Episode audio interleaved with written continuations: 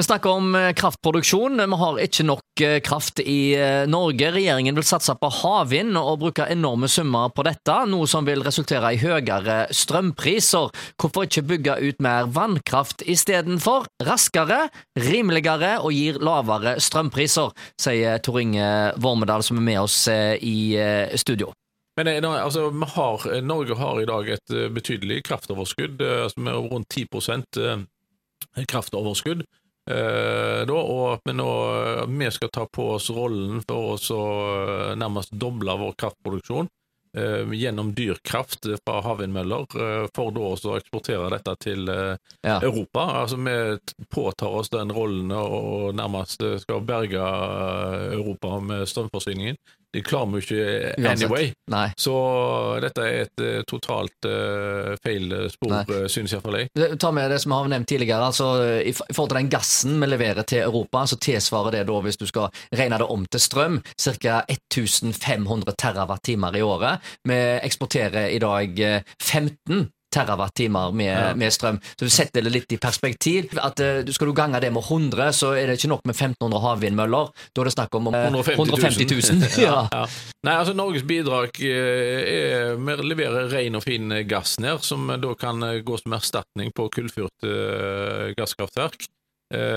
Så det må være vårt bidrag til energisituasjonen, synes jeg da. Så får jo da det europeiske land vurdere om de vil ha kjernekraftverk, eller om de skal ha vindmøller uh, osv. Men at Norge skal være den som løser problemene for dem, det er helt eh, hakke gale. altså. Vi har masse å gå på når det gjelder vannkraft. og så En annen ting eh, er jo at eh, å bygge ut vannkraft i Norge det er jo noe du kan sette i gang med nærmest umiddelbart. altså Du kan gjøre det relativt eh, raskt, ja. Eh, og du kan produsere veldig mye mer kraft veldig raskt. Ja. Det er ikke snakk om, for at Med havvind så er det snakk om at du vil ikke få noe produksjon før i hvert fall tidligst 2030 nå, men ja. de 1500 havvindmøllene, da snakker vi mange mange år fram i tid. Ja. Sånn at uh, hvis vi skal da vente 50 år med å løse den i gåstein strømkrisen som vi har nå, så er jo ikke det noe spesielt god politikk. Men hvis vi da satser på vannkraft istedenfor, skal vi løse den samme problemstillingen på 10-15 år istedenfor. Det er jo bedre. Ja, og så er det mye billigere, og så får vi lavere strømpris. Ja, jeg tror ikke det trenger 10-15 år engang. Det er de, ja, med litt utredninger og strømnett som skal. De, så, de som driver med f.eks.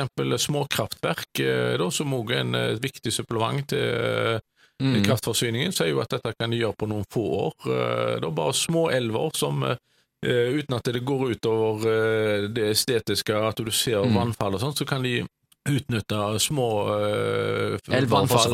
Mm. Bare inne i for eksempel, så er det, er det jo et mikroanlegg som leverer strøm til hundrevis av husstander, og sånn finnes det rundt omkring da. Men dere har jo ikke påstått seg at Eh, myndighetene ikke legger godt nok til rette for disse eh, som ønsker å bygge mikrovannkraftverk. Eh, Nei, det, det, det, det, jo, det er vanskelig å ja. få tillatelsene på plass og ja. få avtaler for å koble seg til nettet. Du må gjerne betale enorme kostnader med tilkoblingen, det er trapoer og masse ja. teknikk som skal på plass.